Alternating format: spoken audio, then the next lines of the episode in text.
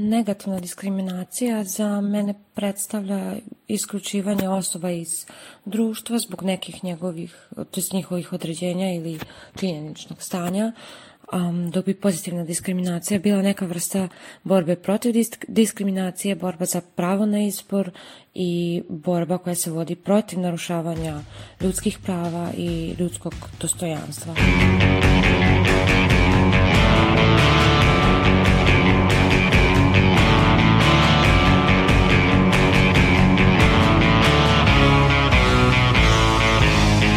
Zdravo! Slušate podcast Reaguj nezavisnog društva novinara Vojvodine. Moje ime je Iva Gajić, a na ovoj emisiji radili su i Sanja Đorđević, Irena Čučković, Sanja Kosović i Nemanja Stevanović.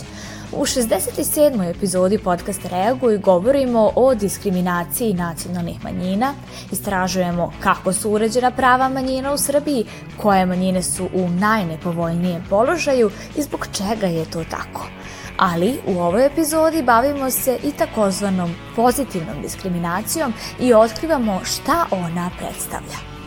Za početak, koleginica Sanja Đorđević istraživala je na koji način su zakonskom regulativom u Srbiji zaštićena prava nacionalnih manjina. Sanja, reci nam nešto više o ovome. Hajde da krenemo od najvišeg pravnog akta, odnosno Ustava koji garantuje pripadnicima nacionalnih manjina, pored osnovnih i dodatna prava u skladu sa domaćim zakonima i međunarodnim ugovorima. Putem kolektivnih prava pripadnici nacionalnih manjina neposredno ili preko svojih predstavnika učestvuju u odlučivanju ili sami odlučuju pojedinim pitanjima vezanim za svoju kulturu, obrazovanje, obaveštavanje i službenu upotrebu jezika i pisma, navodi se u ovom dokumentu u kojem se dodaje i mogućnost za formiranje nacionalnih saveta sveta. Posebno je zabranjena bilo kakva diskriminacija zbog pripadnosti nacionalnoj menjini, osim pozitivne diskriminacije. Prilikom zapošljavanja propisano je da se vodi računa o odgovarajućoj zastupljenosti pripadnika manjina, naročito u državnim organizacijama. U Ustavu je posebno istaknuta zabrana nasilne asimilacije kao i pravo na očuvanje posebnosti. Zakon koji posebno definiše prava ovih grupa je Zakon o zaštiti prava i sloboda nacionalnih manjina. U njemu se posebno propisuje popravljanje položaja Roma. Kada je reč o izjašnjavanju o pripadnosti određenoj skupini, interesantno je da će na sledećem popisu u Srbiji biti nemoguće da se neko izjasni kao vojvođanin, iako su ovo neke stranke zahtevale. Iz Republičkog zavoda za statistiku objašnjavaju ovo time što ne postoji vojvođanska nacija i da će se onaj ko se ovako izjašnjava ubrajati pod regionalnu pripadnost. Sa druge strane, zemlje Evropske unije razmatraju ideju da se ukine traženje informacije o nacionalnoj pripadnosti na popisima stanovništva u budućnosti. Kao što smo čuli od Sanje, naši zakoni poprilično su dobri kada je reč o zaštiti prava nacionalnih manjina. Međutim, nisu sve manjine podjednako podložne diskriminaciji. Romska nacionalna manjina je najviše diskriminisana populacija u Srbiji i zbog toga se zakonom o zaštiti prava i sloboda nacionalnih manjina posebno propisuje popravljanje njihovog položaja. U posebno teškom položaju su romkinje koje su neretko dvostruko diskriminisane i kao romkinje i kao žene. Romi su najčešće diskriminisani prilikom zapošljavanja, tokom školovanja ili u procesima ostvarivanja drugih prava pred organima vlasti. Više o problemu diskriminacije Roma u Srbiji poslušat ćemo u prilogu studentkinje Tamare Đember. Romska zajednica suočena je s raznim vidovima diskriminacije. Diskriminacija na njima vrši se svakodnevno i svuda, čak i u zdravstvenim i obrazovnim institucijama. Aktivistkinja odboruma Roma Srbije, Jasmina Drmaku, kaže da se tema diskriminacije nad Romima provlači dosta dugo vremena. Diskriminacija je tema zapravo koja se provlači jako dugo. To među nama aktivistima, što među ljudima koji su zaposleni institucijama, što kroz medije ali nekako se najmanje provlači kroz uh, ljude koji žive u romskim naseljima, odnosno među samo zajednicu. Po rečima Jasmine Drmaku, diskriminacija nad romskom populacijom svakako postoji, ali oni nažalost često toga nisu svesni. Kako ona dodaje, usled njihove situacije nemaju ni vremena da se bave temom diskriminacije zbog njihove svakodnevne borbe za egzistencijom. Da, diskriminacija postoji i o njoj se mnogo priča, ali se ne priča tamo gde treba, odnosno ljudi iz zajednice. U smislu kad kažem ljudi iz zajednice, ne mislim na mene i na nekog ko je poput mene obrazovan, nego mislim na nekog ko živi u borbi za egzistenciju, nekom ko živi u neformalnom naselju, nekom ko jedva preživljava dan i prepešači kilometri i kilometre da bi zaradio 500 dinara dnevno. Diskriminacija nije lako rešiva, ali joj svakako moguće suzbiti. Samo je pitanje vremena i zajedničkog truda. Drmaku ističe da bi državne institucije trebale više pomoći pri rešavanju ovog dugogodišnjeg problema. Trebali bi da poradimo na tome da se poveže nekako institucija e, sa zajednicom, da na neki način imamo tu sponu između institucije i zajednice i da zajedno reše problem diskriminacije, jer najčešće i jeste ta institucionalna diskriminacija zastupljena. Romska zajednica je pozitivno diskriminisana kada su u pitanju afirmativne mere za upis u srednju školu, za upis na fakultet, za dobijanje mesta u studentskim domovima i prilikom konkurisanja za stipendiju. Međutim, kako Drmaku kaže, ova pozitivna diskriminacija neka sa sobom nosi negativne stvari. Recimo, u odeljenje se prima 30 učenika, učenik romske nacionalnosti ili učenica, a neće biti među tih 30, nego će biti 31. Što znači da nikome od 30, plan, od 30 učenika koji su planirani da se upišu ne oduzima mesto, nego ulazi kao 31. učenik, odnosno učenica. Konstantno su mladi Romi i Romkinje zaštićeni kao beli medvedi konstantno oduzimaju nečije pravo na školovanje, nečije pravo na mesto. U nekim od gradova Srbije, kao što su Novi Sad, Beograd, Požarevac i Kragujevac, postoji mogućnost primanja besplatne pravne i psihosocijalne podrške, kaže Drmaku. To su gradovi za koje znam sa sigurnošću, gde se pruža besplatna pravna i psihosocijalna podrška. To radi Forum Roma Srbije kroz projekte Centra za romsku zajednicu. I u našim centrima za romsku zajednicu imamo angažovane pravnike, psihologi i socijalne medijatore koji su konstantno u komunikaciji sa romskom zajednicom, koji su konstantno sa njima u naseljima, po kućama, na terenu i gde se pruža besplatna pravna i psihosocijalna podrška. Kada je diskriminacija u pitanju, od izuzetne važnosti je da podignemo svest jedni drugima o tome. Jedno zajedničkim snagama i razumevanjem možemo suzbiti sve stereotipe. Već godinama unazad veliki broj međunarodnih organizacija za ljudska prava, ali i institucija zaštitnika građana – upozorava na veoma loš i diskriminatorni položaj Roma u Srbiji. Robert Kasumović iz organizacije Forum Roma Srbije kaže da je diskriminacija Roma najvidljivija u dve sfere – stanovanje u podstandardnim naseljima i diskriminacija na poslu ili prilikom zapošljavanja. Romi su segregirani u, u, u svakom smislu te reči i u smislu stanovanja, što je ono najvidljivija stvar, da tako kažemo, jer većina Roma danas u Srbiji živi u romskim naseljima koja su segregirana, takozvana podstandardna, znači ili kako popularno ljudi kažu nehigijenska, u kojima zaista nema ni osnovnih uslova života najčešće. A, ali su oni segregirani i u, u, u ostalim sferama društva, pre svega bih ja tu napomenuo recimo po pitanju zapošljavanja. Dakle, ogroman broj Roma danas ne radi, tržište rada je prosto diskriminatorno prema Romima, dakle, za poslodavci vrlo teško i vrlo redko zapošljavaju Rome, pa čak i pored tih nekih takozvanih davanja koje država ima za poslodavce koji zapošljavaju Rome. Gasumović ipak izdvaja diskriminaciju Roma na poslu kao najbolniju tačku, jer, kako navodi, od toga i polazi loš ekonomski položaj Roma, ali i društveni položaj uopšte. Diskriminacija se javlja, ja imam često običaj da kažem i na ulici kada Romi prelaze pešački prelaz.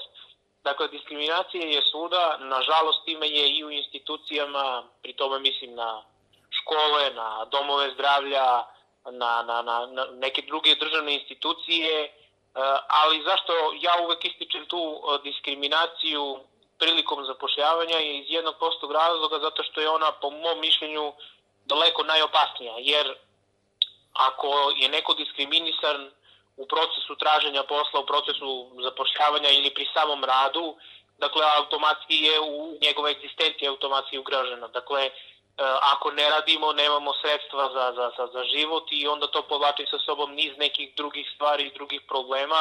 Ono što Robert Kasumović ističe kao loše je činjenica da su se Romi navikli na tu vrstu diskriminacije – Čak i on očekuje diskriminaciju u svakom susretu sa institucijama u Srbiji, koje ne bi smele da diskriminišu. Lično ja kada odlazim u neke od tih institucija, u neku ruku i očekujem da budem diskriminisan, ako ne da budem diskriminisan, onda da barem prema meni oni ljudi koji tamo rade imaju nešto drugačiji odnos. Tako da, nažalost, pripadnici romske zajednice u Srbiji su navikli na tu diskriminaciju, očekuju je i mislim da, da, da, da to svakako nije dobro. Kada je reč o obrazovanju, ono čime se sistemski teži smanjiti diskriminacija Roma jesu takozvane afirmativne mere na fakultetima. Predsednik Udruženja romskih studenta Nenad Vladisavljev za podcast reaguje i objašnjava da afirmativne mere pri upisu na fakultet imaju tri grupe učenika. Pripadnici romske nacionalne manjine, osobe sa invaliditetom i učenici iz dijaspore. To nisu posledici samo za romsku nacionalnu manjinu, nego iste takve mere premenjuju se i na učenike, odnosno studente sa invaliditetom i na, na studente iz dijaspore. Znači, te tri kategorije učenika, maturanata imaju pravo na takozvane afirmativne mere za upis na studije. I kako one u suštini funkcionišu? Pa funkcionišu tako što se za ove tri kategorije učenika formiraju posebne liste, što znači da kad se učenik, kad je popuni obrazac za konkurisanje za neki fakultet, on tamo ima mogućnost da se izjasni ili kao student, odnosno učen osoba sa invaliditetom ili kao učenik iz dijaspore ili kao učenik romske nacionalnosti. I u tom slučaju onda se učenici iz tri kategorija praktično između sebe takmiče, a ne zajedno sa svim ostalima. Ono što je osnova afirmativnih mera jeste mogućnost da se ovi studenti rangiraju na odvojenim listama od ostalih. To u praksi znači da se 1% budžetskih mesta odvaja za ove učenike. Država Srbija, odnosno Ministarstvo prosvete, obezbeđuje od ukupnog broja budžetskih mesta 1 posto budžetskih mesta ide za učenike romske nacionalnosti, 1% za učenike sa invaliditetom. Šta to u praksi znači? Pa recimo ako na medicinskom fakultetu u Novom Sadu iz budžeta se financiraju 200 studenta, ukupno onda dva mesta su obezbeđena za studente romske nacionalnosti i dva mesta za studente, odnosno učenike sa invaliditetom. I sad kad se prijemni ispit završi, onda se oni učenici koji su se tamo izjasnili izjasnili kao studenti Romi, oni se stavljaju na posebnu listu i ako ih ima više od dvoje, onda se oni me, međusobno takmiče i tih prvi dvoje sa najvećim brojem bodova praktično se finansiraju na teretu budžeta. Ono što je osnova afirmativnih mera jeste mogućnost da se ovi studenti rangiraju na odvojenim listama od ostalih. To u praksi znači da se 1% budžetskih mesta odvaja za ove učenike. Postoji druge afirmativne mere koje se odnose za vreme samog studiranja i za jednu i za drugu kategoriju, a to su afirmativne mere koje se odnose na smeštaj u studentske domove. Isto za studente Roma i za studente sa invaliditetom. Takođe postoje posebne liste za ove kategorije studenta. Sad, s obzirom na broj mesta, koliko recimo na univerzitetu u Novom Sadu Republika obezbeđuje ukupan broj mesta, 1% izađe, čini mi se, 24 mesta, Tako da 24 mesta je rezervisano za studente Rome i 24 za studente sa invaliditetom i oni znači se međusobno takmiče na posebnim listama za ova mesta koje je obezbedila Republika Srbija za smešte u studentske domove. Kada se radi o studentskim stipendijama i kreditima, i tu se ovi studenti rangiraju na posebnim listama, a iznos ovih stipendija je isti kao i za ostale studente. Ono što takođe postoji kao afirmativna mera za visoko obrazovanje studenta Roma i studenta sa invaliditetom, to su i stipendije republičke i studentski krediti. I tu kad se konkuriše na onom redovnom konkursu za učeničke stipendije i studentske kredite, takođe postoji mogućnost da se vi izjasnite kao student Roma, odnosno student sa invaliditetom i posebno se bodujete, odnosno idete na posebnu listu. I takođe tu se takmiče studenti Romi međusobno međusobno. Iznos te stipendije je jednak kao i iznos stipendija za druge studente. Univerzitet u Novom Sadu jedini je prepoznao udruženje romskih studenta kao reprezentativnu organizaciju ističe Vladisavljev. Ono što Univerzitet u Novom Sadu dodatno obezbeđuje, što nema recimo na drugim univerzitetima u Srbiji, a to je da je Univerzitet u Novom Sadu prepoznao i Udruženje romskih studenta, našu organizaciju i Udruženje studenta sa hendikepom kao reprezentativne organizacije studenta Roma i studenta sa invaliditetom, što u suštini znači da mi svake dve godine imenujemo članove studentskog parlamenta po jednog, mi studenti s invaliditetom van ovog redovnog procesa biranja studenta, tako da u studentskom parlamentu koji u Novom Sadu ima 31 mesto, dva mesta su uvek za studenta Roma, odnosno Romkinju, zavisi, i studenta ili studentkinju sa invaliditetom. Ove akademske godine 2020. 2021. šta više naša studentkinja Romkinja koja predstavlja studente Rome je i član saveta univerziteta, čini mi se da tako zove telo i u tom telu uvek svake godine je i pored dekana istaknutih znači naučnih radnika tamo su i četiri studenta iz studentskog parlamenta i od te četiri studenta jedna studentkinja je Romkinja tamo, koja je, to je bila veoma vredna i zapažena u svom radu u studentskom parlamentu, pa su je studenti svi iz parlamenta odabrali. To je stvarno pohvalno.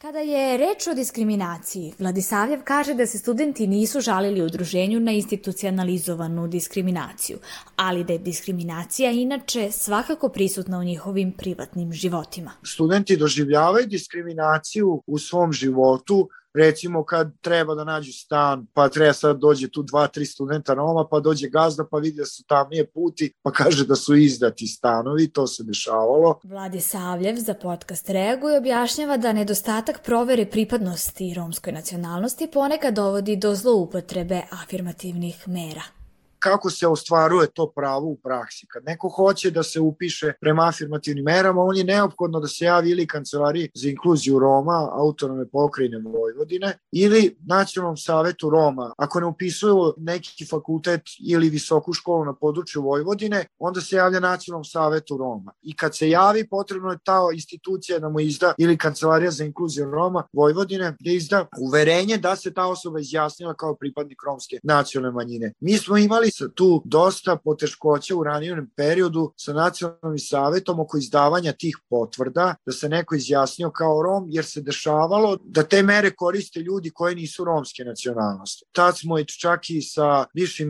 ministrom Šarčevićem tražili sastanak, poverenica za ravnopravnost Brankica nam je to obezbedila taj kontakt i mi smo tražili da se stvori, se napravi zajedno neka komisija Ministarstva prosvete Romskog nacionalnog saveta i studentske romske zajednice zajednice koja bi prosto negde obavljala razgovore s tim ljudima koji se javljaju. Znate, kad i odete u mađarski konzulat u Suboticu da tražite mađarski pasoš, oni obave s vama razgovor da procene da li vi stvarno ima negde porekla mađarskog, da li znate jezik ili ako ne znate jezik, da li bar negde u, u vašem o vašem osjećaju ima ta negde naklanost prema mađarskom narodu ili vi sad samo se javljate da bi iskoristili neko pravo i otputovali negde da bi radili u Evropskoj uniji. Kako Vladisavljev naglašava, ovaj problem, iako ne u velikoj meri, i dalje postoji. Naš sagovornik ističe da ovaj problem može potencijalno dovesti i do ukidanja afirmativnih mera. Nažalost, nije se još uvek tako nešto uspostavilo i tih zloupotreba još uvek ima. Zašto je to problem? Problem je iz jednog razloga što se dešava da neko od studenta Roma ne može recimo da ostvari pravo da se smesti u dom zato što se javljaju neki studenti na trećoj, četvrtoj godini veoma dobri koji nisu Romi i javljaju se kao Romi da budu smešteni u studentski dom. Znači onda ljudi koji zaista su romske nacionalnosti ne mogu da se smeste. Drugi problem je što će možda neko danas sutra doći u ministarstvo reći pa vidite da ove mere nemaju smisa, tu se svako javlja i ajde da ih ukine. I tu još uvek nismo uspeli da napravimo neki dogovor sa romskim nacionalnim savjetom. Mi smo to tražili, ali prosto ministarstvo i nacionalni savet nisu to pristali da mi to radimo. I pored manjkavosti, Robert Kasumović iz Foruma Roma Srbije ocenjuje ocenjuje afirmativne mere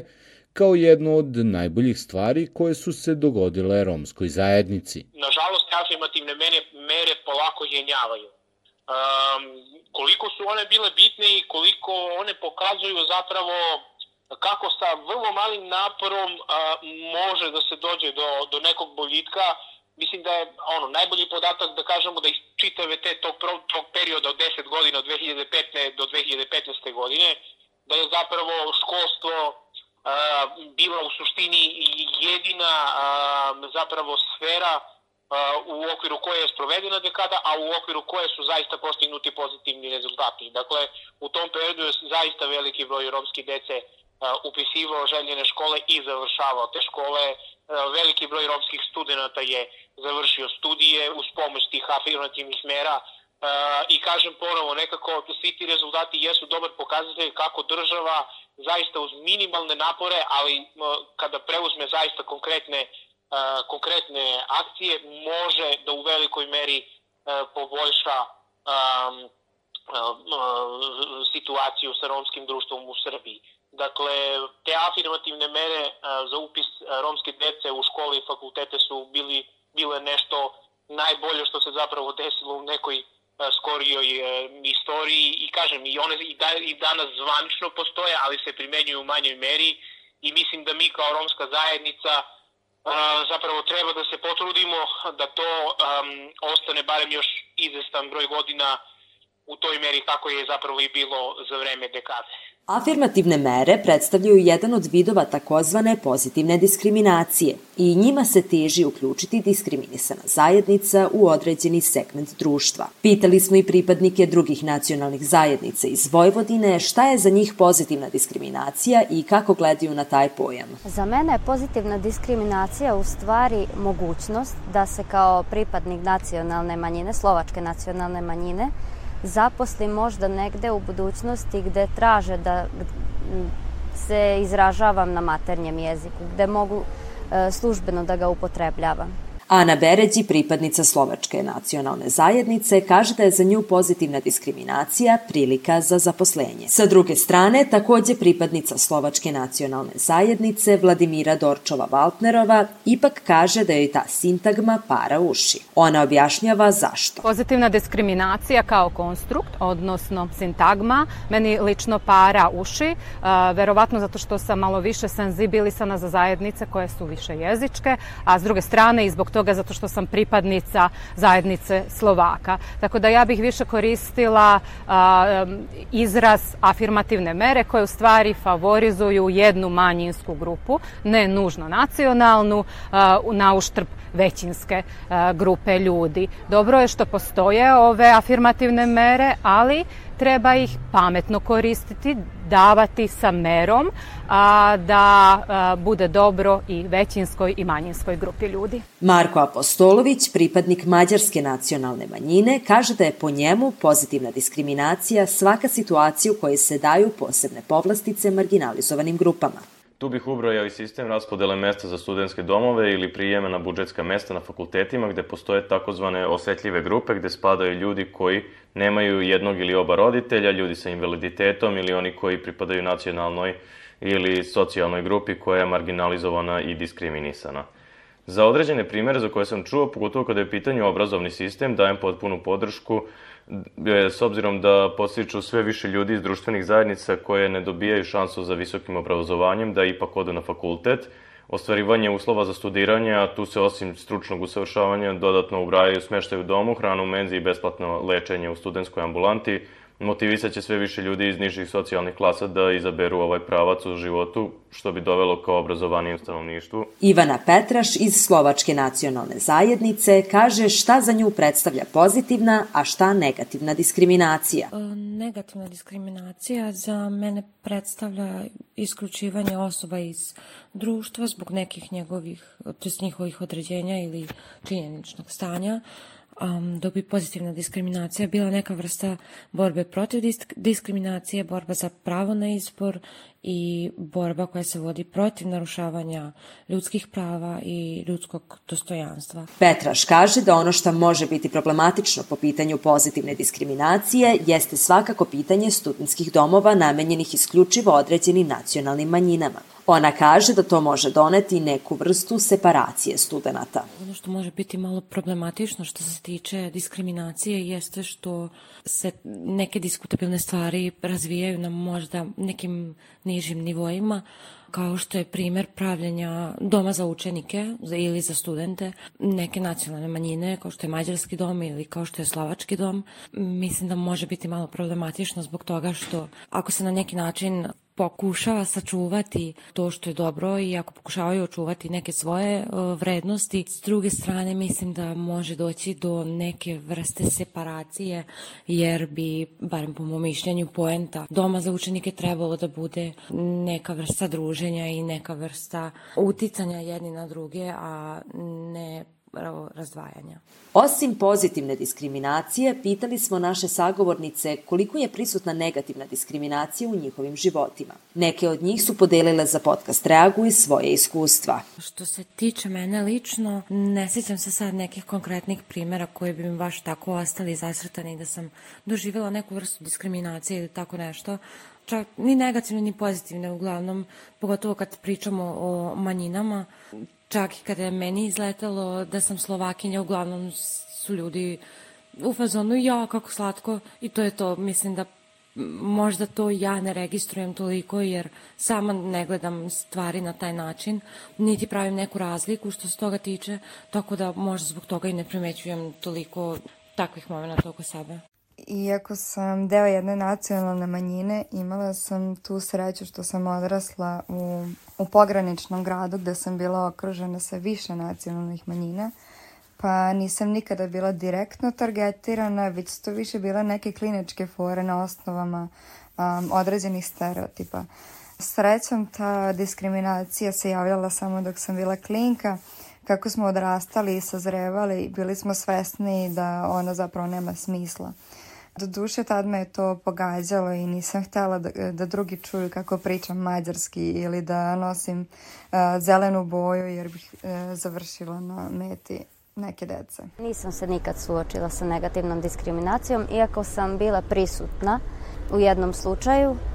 Majka je bila sa detetom kod lekara i oni su normalno pričali na svom maternjem jeziku gde ih je sestrica u čekonici opomenula da moraju na javnom mestu da se služe službenim jezikom.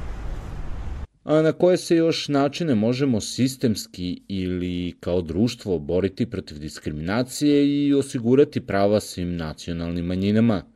Robert Kasumović iz Foruma Roma Srbije ističe da država treba da stane iza borbe protiv diskriminacije i da ukazuje na sve vidljive, ali i one nevidljive vrste diskriminacije kako bi se Romi osjećali kao jednaki i punopravni članovi društva u Srbiji.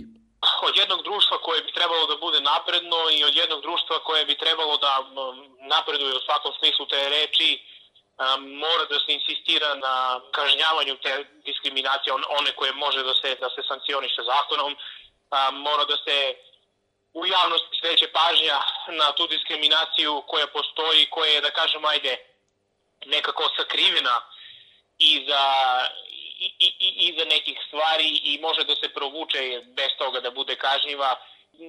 Mislim da Romi kao najsegregiraniji sloj društva u Srbiji trpe najveću diskriminaciju i nažalost da se polako vremenom i navikavaju na to, ali mislim da, da je potrebno da, da i da je značajno za društvo da mi upozoravamo na to i da skrećemo ljudima pažnju da ta diskriminacija postoji.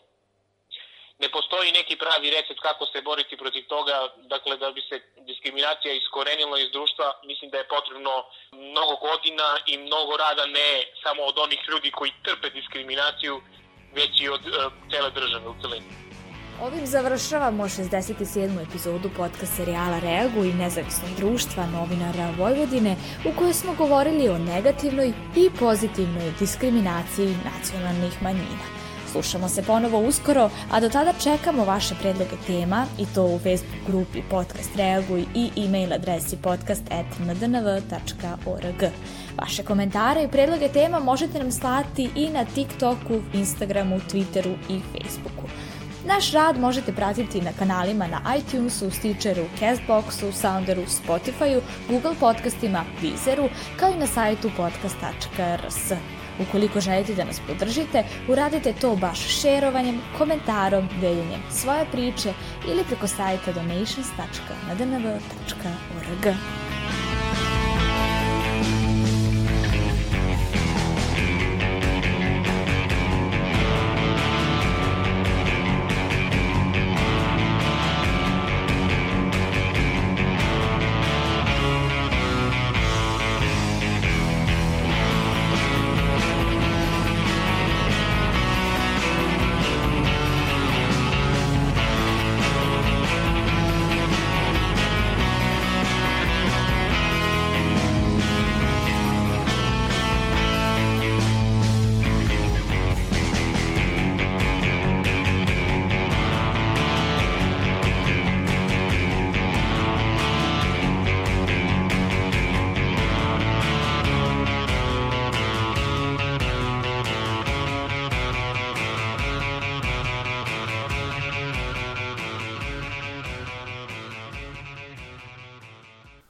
podcast je pripremljen uz finansijsku podršku Europske unije i Saveta Evrope u okviru projekta Promocija različitosti i ravnopravnosti u Srbiji.